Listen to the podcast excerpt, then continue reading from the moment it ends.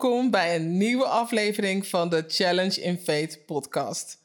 Een podcast over echte thema's uit het leven gegrepen en de invloed van mijn christelijk geloof op deze thema's.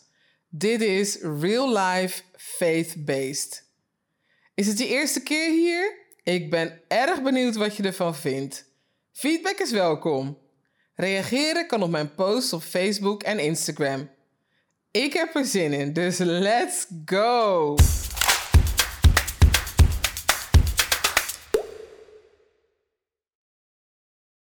Ik ga het vandaag met je hebben over de single life. Ja, of je nou alleenstaand of alleengaand, hoe je het noemen wil. Het single, het betekent allemaal hetzelfde. Je bent zonder een partner, je bent zonder een wederhelft. Voor mij is het inmiddels uh, tien jaar, tien jaar geleden, dat ik uh, na acht jaar huwelijk alleen kwam te staan. Alleen met een jong kind, bedoel ik dan. En um, ja, zonder nou helemaal in de details te gaan treden, kan ik wel zeggen dat ik onvrijwillig alleenstaand ben. Want ja, ik ben natuurlijk niet getrouwd met het idee van, nou, er kan wel vroegtijdig een einde aan komen door middel van een uh, echtscheiding. Dat is natuurlijk nooit je intentie. Um, ik heb echter geen grammetje spijt. Geen grammetje spijt van die scheiding. Maar ik heb er ook niet voor gekozen om alleen te zijn. Want ik ben namelijk een van die mensen die gewoon echt gelooft dat het niet de bedoeling is dat mensen alleen door het leven gaan. Ik denk niet dat het leven gemaakt is om alleen te doen en dat mensen niet gemaakt zijn om alleen door het leven te gaan. Ja, ik heb niet altijd zo gedacht, als ik heel eerlijk ben. Uh, dit is echt iets van de afgelopen jaren, misschien een jaar of acht. Um, ik ben opgevoed door een hele sterke, zelfstandige moeder, die er ook alleen voor stond. Mijn moeder is weduwe geworden toen ik nog heel jong was. Ze was net uh, eh, 32 jaar jong en uh, ik was vijf jaar oud toen mijn uh, vader overleed. Mijn moeder was dus ook onvrijwillig alleenstaand. En zij is op haar beurt ook grootgebracht door een sterke, zelfstandige, alleenstaande moeder. Mijn oma die is um, als kind verstoot door haar moeder. En ze is wel opgevangen door een, uh, door een lieve tante en oom. Maar ja, toen ze net amper een tiener was, moest ze voor zichzelf zorgen. Ja, nou, ik hoef natuurlijk niet uit te leggen heel uitgebreid wat dat doet met een, met een jong meisje. Mijn opa en oma die hebben twee kinderen gekregen, maar ze waren niet getrouwd. De moeder van mijn moeders jongere broers en zussen, uh, die was wel met mijn opa getrouwd. Verwacht dus niet dat mijn oma vrijwillig alleenstaand was.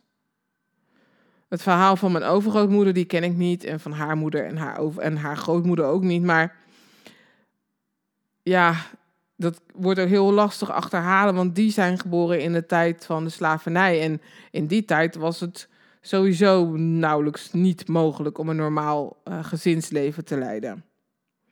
Ik weet dus niet hoeveelste generatie alleenstaande moeder ik ben, maar in ieder geval drie. Maar goed. Het gaat er in, in, in, deze om dat je ehm, alleenstaand zijn, dat het niet altijd vrijwillig is. En als mensen dat wel vrijwillig zijn, hé luister, niks aan de hand hè. Helemaal prima zelfs. Je moet vooral niet verplicht voelen om eh, in een relatie te zijn als je dat niet wil. En ik ken ze hoor, die mensen die het helemaal fijn en helemaal fantastisch vinden om niet in een relatie te zijn. Maar ik ben niet een van die mensen. Na tien jaar alleen zijn ben ik het echt wel zat hoor. Eerlijk gezegd was ik het jaren geleden al zat. En uh, toen ben ik echt om me heen gaan kijken met andere ogen om te zien, ja, wat mis je dan? Hè? En wie mis je dan? Ja, nou ja, ik moet zeggen, het was niet helemaal wat ik hoopte te zien. Ik zag geen mannen rondlopen waar ik helemaal enthousiast van werd, maar ik zag ook niet dat mannen naar mij keken. Dus ja, wat doet een alleenstaande vrouw in de jaren 2000? Die gaat online kijken. En ik had mezelf nog zo beloofd om dat niet meer te doen.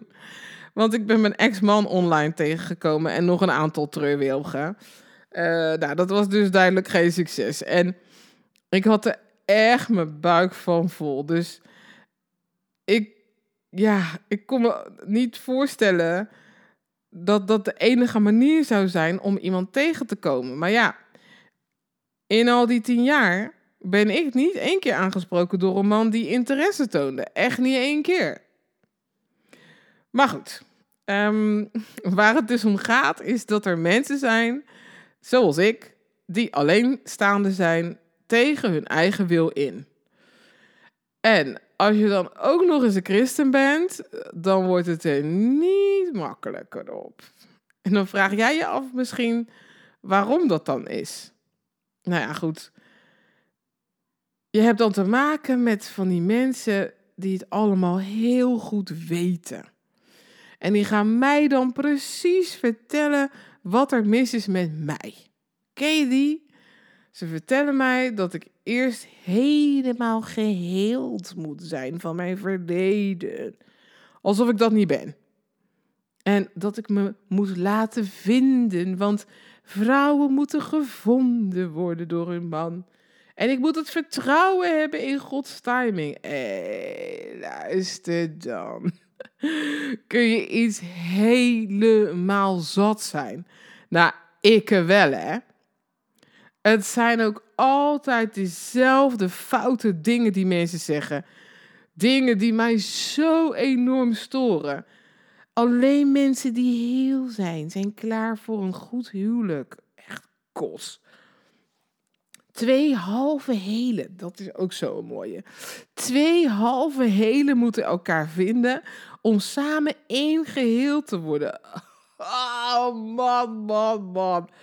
Echt ongelooflijk. Wat kun je me boos maken met zulke uitspraken, zeg. Zoveel nonsens. Alsof iedereen die in langdurig huwelijk zit, helemaal perfecte hele mensen zijn. Schijt toch uit, joh. Houd toch op met het verspreiden van dit soort leugens. Je gaat mij toch niet wijsmaken dat mensen die elkaar als high school sweethearts hebben ontmoet en jong getrouwd zijn, dat dat hele mensen, probleemloze mensen waren. Onbeschadigde mensen waren? Ach, houd toch op. Mensen die elkaar jong ontmoet hebben, zijn, zijn samen opgegroeid. Met alle narigheid en alle toestanden die daarbij horen.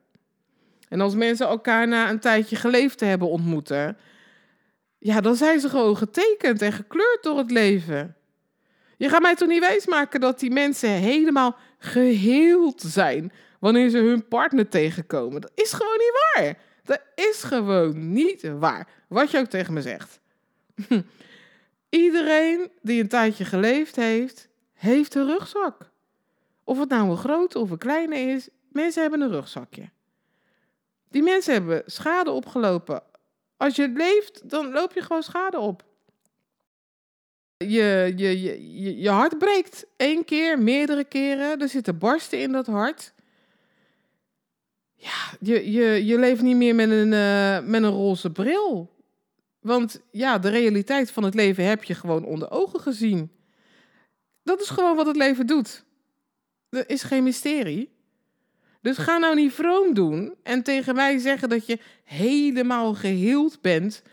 Want dat is gewoon een pertinente onwaarheid. Of het is tenminste een halve waarheid. Maar ja, aangezien een halve waarheid een hele leugen is. Hm? Nee, echt serieus. Ik vind het verspreiden van zulke leugens vind ik echt heel schadelijk ook. Want weet je wat ik er schadelijk aan vind? Is dat je mensen een schuldgevoel en of een minderwaardigheidscomplex aanpraat. Want als je nou eerlijk bent, dan vertel je aan singles gewoon het, heel, het eerlijke verhaal over je huwelijk of over je relatie. Dan vertel je dat twee mensen in de huwelijk samen moeten werken aan een gezonde status ervan. Twee mensen komen bij elkaar, of ze nou geheeld zijn of niet. Ze komen bij elkaar omdat ze ervoor kiezen om hun beschadigde leven samen door te brengen. Een gezond huwelijk is wanneer twee beschadigde mensen bij elkaar komen en in alle eerlijkheid samen aan hun beschadigingen werken, omdat ja, het alleen doen is vele malen zwaarder en eenzamer. Kijk, het is absoluut waar eh, dat beschadigde mensen andere mensen beschadigen. Dat is duidelijk. Daarom is het ook niet gezond om aan een relatie te beginnen wanneer je beschadigingen echt net vers zijn of dat je er gewoon nooit genoeg aan hebt gewerkt. Kijk, als je tientallen jaren blijft rondlopen met je beschadigingen, dan is het ook heel moeilijk om na zo'n lange tijd te veranderen. Kijk, dat is echt, dat, dat is gewoon waar. Dat is gewoon waar. Maar niets is onmogelijk. De wil moet er zijn om aan jezelf te werken. Want ja, aan een ander werken, dat is gewoon een grote illusie. En wat ik daarmee bedoel is um, dat er mensen zijn, over het algemeen zijn het vrouwen, die denken dat ze een man kunnen veranderen. Dat uh, wanneer ze maar genoeg van hem houden, als ze hem maar genoeg ruimte geven, als ze hem maar lekker zijn gang laten gaan, dat hij dan wel voor haar zal veranderen. Ja, of, of juist wanneer ze maar genoeg aan zijn hoofd zeurt. En dat is natuurlijk gewoon niet waar. Als iemand niet uit zichzelf verandert, dan is er geen mens die hem of haar kan veranderen. Je moet ook niet willen hè, om iemand te veranderen. Dat kost zoveel tijd, zoveel energie die je beter in jezelf kunt investeren. Wat voor mij belangrijk is, is jezelf voldoende kennen om te weten waar en wat je beschadigingen zijn en daar dan transparant en duidelijk over zijn. Bijvoorbeeld als je hart gebroken is door iemand van wie je echt heel veel hield en je hebt daaraan overgehouden dat je moeite hebt met anderen te vertrouwen. Ja, dan, dan moet je daar gewoon eerlijk over zijn naar jezelf en naar de andere persoon die in je leven probeert te komen. Zo, op die manier geef je de nieuwe persoon een eerlijke kans om zelf te kiezen of hij of zij daarmee kan leven en samen met jou aan wil werken. Kijk, uh, zou het beter zijn om eerst aan je vertrouwensissues te werken en daarna op zoek gaan naar een partner? Ja, ja, misschien wel. Maar is het onmogelijk om samen met iemand die misschien wel de liefde van je leven is, te werken aan die issues? Nee, natuurlijk is het niet onmogelijk. Het is een kwestie van willen. Willen beide partijen hun tijd en energie daarin steken? Dat is de vraag. Het gevaar van mensen vertellen dat ze eerst helemaal geheeld moeten zijn, is dan dat mensen gaan streven naar perfectie. Terwijl perfectie gewoon een illusie is. Het bestaat gewoon niet. Alleen God is perfect. Maar wij mensen absoluut niet. En nogmaals, als je echt heel erg beschadigd bent en je leven is echt een zootje, het staat volledig op zijn kop, hey, by all means, hè. Ga niemand lastigvallen met jouw rommel. Begin met het opruimen van je zooi voordat je iemand toelaat. Maar denk nou niet dat er ooit een moment komt dat je leven perfect is. Want als je daarop gaat zitten wachten, dan blijf je echt je hele leven alleen. Nogmaals, als dat is wat je wilt, alleen blijven, hey, dan is er niks aan de hand. Hè? Wat mij betreft gewoon niet. Lekker je eigen gang gaan, doe wat je wil. Maar als je net als ik overtuigd bent dat um, ja, alleen zijn gewoon niet voor mensen is, ja, dan moeten we het verhaal dat we aan singles vertellen, moeten we echt veranderen. En wat mij betreft begint dat met het vervangen van één woordje. Vervang het woord heel of geheeld door het woord eerlijk. En dan, dan krijg je gewoon een ander verhaal. Dan krijg je twee eerlijke mensen moeten bij elkaar komen om samen een eerlijk stel te zijn. Want alleen eerlijke mensen die samen eerlijk zijn, kunnen samen gelukkig oud worden. Ja, uh, zin, wat is dan eerlijk zijn? Ja, eerlijk zijn over, over alles en vooral de dingen waaraan gewerkt mag worden. Je weet wel, die, die, die, die, die dingen die beschadigd zijn, die je pijn, die je verdriet hebben gedaan, uh, die ervoor hebben gezorgd dat jij bent wie jij bent en waar je op dit moment in je leven staat? Dat is een eerlijk antwoord. En het haalt ook, ja, dat is het. Het haalt ook die veroordeling uit het verhaal dat we aan singles vertellen. Want het is gewoon al niet makkelijk om alleen door het leven te gaan. En als je dan ook nog eens die veroordeling boven je hoofd hebt van al die vrome mensen, dat maakt het gewoon niet makkelijker. Geloven in God en alles wat Hij ons zegt, dat is essentieel voor mensen die geloven. En Gods woord zegt dan ook dat het niet goed is voor de mens om alleen te zijn. Het staat in Genesis, hoofdstuk 2, vers 18. Ik, ik ken die tekst uit mijn hoofd. En geloof me, ik herinner God regelmatig aan dat woord. Dan heb je natuurlijk ook nog zo'n brief van Paulus, waarin hij schrijft dat hij alleenstaand is en dat hij zou willen dat iedereen het was. Maar uh, ja, dan zouden we, oh ja, omdat we ons dan zouden kunnen focussen op het doen van Gods wil. En hij zegt uh, dat hij vindt dat dat alleen lukt, het focussen dus, wanneer je alleen bent. En um, als het je niet lukt om je daarop te focussen, als je gewoon echt wel um, heel erg bezig bent met ik wil een partner, ik wil getrouwd zijn, enzovoort, enzovoort, dan kun je beter getrouwd zijn want daarmee voorkom je dat je dan dingen met je lichaam gaat doen die niet in de wil van God zijn.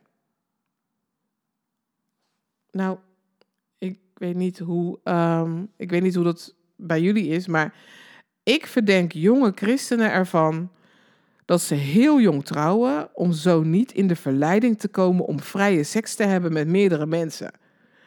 Want ik vind het echt heel erg opvallend, namelijk dat in heel veel christelijke denominaties veel huwelijken worden gesloten tussen jonge mensen. En op de universiteit waar ik studeer zijn de enige single mensen zijn de jonge inwonende studenten.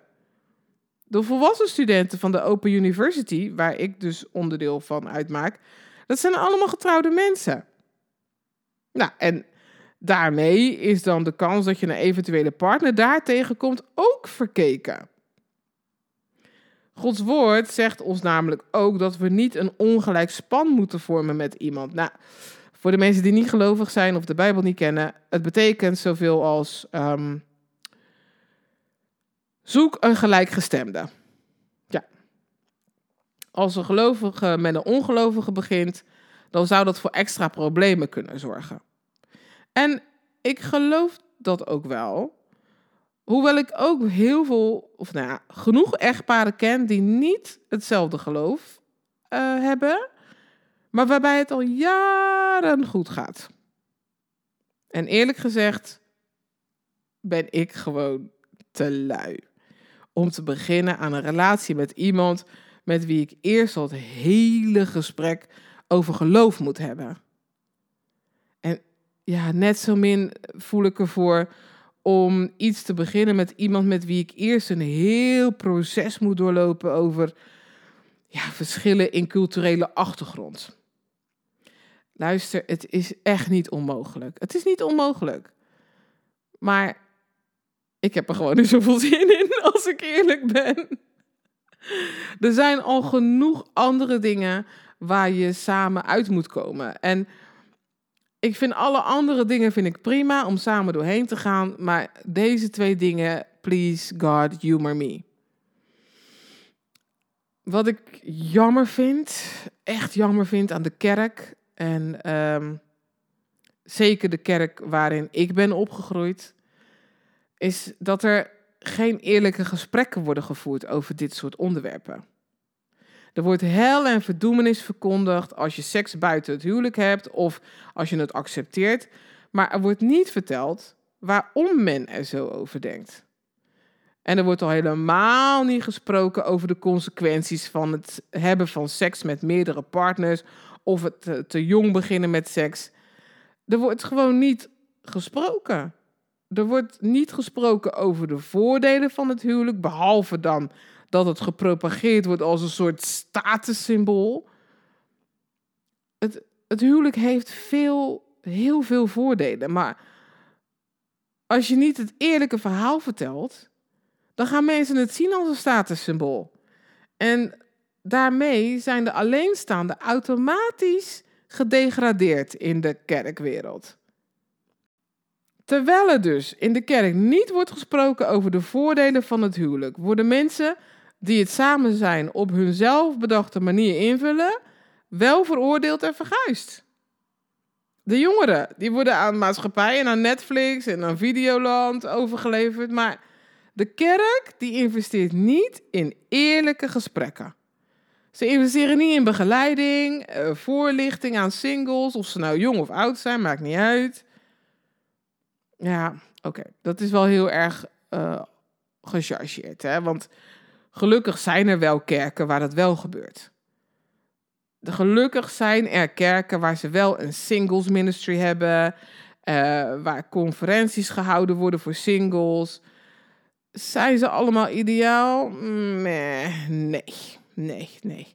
Want als er gepredikt wordt hè, over uh, de dominantie van de man, waar de vrouw uh, onderdanig aan moet zijn, alsof ze niet gelijkwaardig zouden zijn, ja, dan gaat het in mijn ogen nog steeds mis. En um, als singles aan elkaar gekoppeld worden, wat bijna opdringerig is, ja, dan is het ook niet goed. Maar ja, waar zijn mensen dan wel bij geholpen? Ja, ik, ik ga het gewoon herhalen. Het eerlijke verhaal. Het huwelijk is niet zaligmakend. Het is niet het ultieme eindpunt van een jong single leven.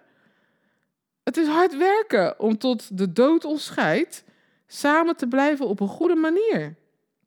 En dat, ja, dat moeten mensen gewoon weten voordat ze aan een huwelijk beginnen. Maar hoe moeten mensen dat weten als er niet eerlijk over gesproken wordt en mensen geen begeleiding, geen coaching en geen counseling krijgen? Zeker voor mensen die uit één oude gezinnen komen, zoals ik en vele anderen met mij. Ja, daarvoor is het gewoon een, een hele grote uitdaging. Welk voorbeeld moeten we volgen? als we deze generationele issues willen doorbreken. Wie, wie gaat er aan de mensen vertellen en laten zien hoe een echt huwelijk eruit ziet? Kijk, als er geen voorbeelden zijn, hoe kunnen we dan verwachten dat de kinderen uit één oude gezinnen weten hoe het moet? Het is toch logisch dat je met niets doen die generationele dingen niet verandert? Kijk, ik ben de zoveelste generatie alleenstaande vrouwen. En ik weiger gewoon te accepteren dat dit ook het lot zal zijn van mijn dochter. Het gaat gewoon hier en nu stoppen. Kijk, als het haar eigen wil is om single te blijven, helemaal prima wat mij betreft. Maar ze moet tenminste een eerlijke keus kunnen maken. Ik wil gewoon het beste voor haar. En als ik haar dat niet kan laten zien, dan moet ik in ieder geval op zoek kunnen gaan naar mensen die dat wel kunnen laten zien. Maar ja, mijn voorkeur gaat er naar uit dat ik haar zelf kan laten zien wat het betekent. Wat het is om een goed huwelijk te hebben. Want dat betekent namelijk dat ik zelf een goed huwelijk heb. En dat is wat ik mezelf absoluut gun. En ik heb het verdiend. Gewoon eerlijk. Ik ben naast alle dingen die ik ook ben, ben ik iemands vrouw. Dat geloof ik gewoon echt. Ben ik volmaakt? Ja. Ik ben volmaakt in mijn onvolmaaktheid. Kijk, ik, ik ben gewoon een prachtige vrouw. En ik ken mezelf heel goed. Ik ken mijn sterke en mijn zwakke punten. Ik weet waaraan gewerkt moet worden. Ik weet waarin ik uitblink. Ik weet wie ik ben en wat ik mijn man te bieden heb. Ik weet ook wat ik nodig heb en waar ik niet van hou, dat weet ik ook heel goed. Ik ken Cynthia en Cynthia is gewoon een superster. Dat is het eerlijke verhaal. En degene die dat niet ziet, die moet of naar de opticien of moet bij zichzelf te raden gaan waarom hij zichzelf dit niet gunt. Vertel mij nou niet Vertel mij niet dat ik eerst perfect moet zijn voordat mijn perfecte man zich kan aanbieden. hey, mensen moeten gewoon een keus maken voor iemand en zijn of haar imperfectie accepteren in alle eerlijkheid. Zo simpel is het. Samenwerken aan een beter leven, want ja, nogmaals, de mens is in mijn ogen niet gemaakt om alleen te zijn. God heeft een helper gemaakt. En een helper, lieve mensen, die is er om te helpen. Met al het werk wat er gedaan moet worden. En niet alleen met sommige werken, nee, met alle werken. En daaruit maak ik op dat ook het werken aan jezelf en aan elkaar daaronder valt. Kijk, je mag voor mij kiezen wat je wil, hè. Single zijn, samen zijn, het maakt mij gewoon echt niet uit. Zolang het maar een eerlijke keuze is. Dat is waar het om gaat.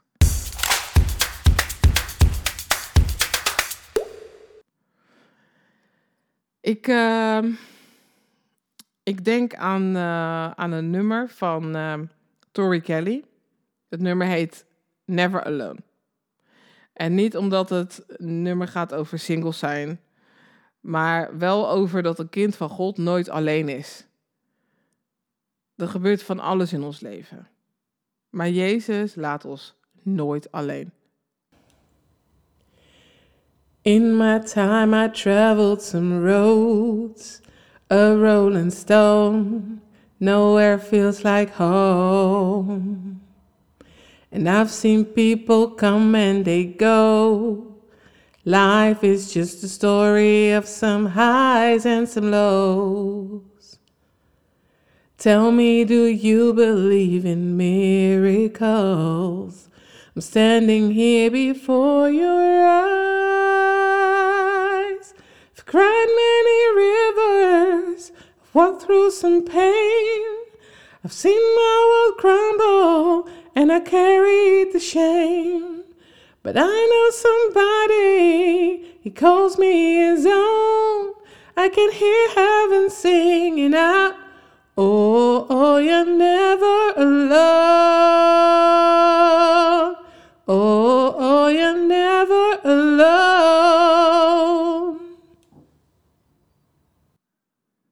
Lieve God, red mij van de uitspraken van zogenaamde vrome mensen die denken dat ze weten hoe het in elkaar zit. Die er niet bij stilstaan dat ze mensen misschien wel pijn doen en beschadigen met hun uitspraken.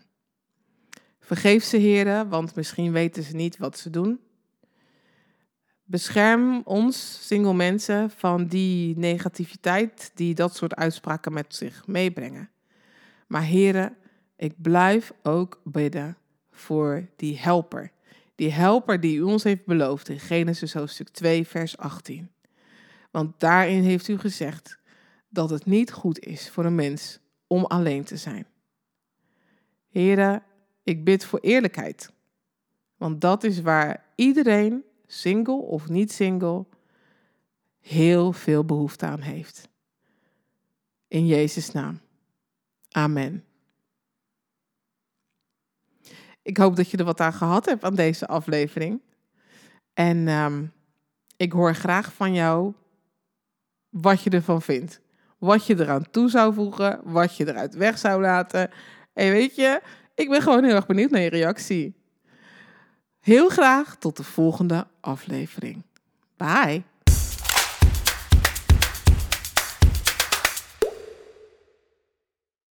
Dankjewel dat je hebt geluisterd naar deze aflevering. Ik ben blij met je en hoop dat je wilt blijven luisteren. Als je je abonneert of de podcast volgt, afhankelijk van welke podcast-app je gebruikt, hoef je geen aflevering te missen. Je helpt mij ook als je een review achterlaat op Apple Podcasts. Dan kunnen anderen deze podcast ook vinden. Dat gunnen we iedereen, toch? Als je dan toch bezig bent, volg Challenge in Fate dan ook direct op Facebook en Insta. Dankjewel en tot snel.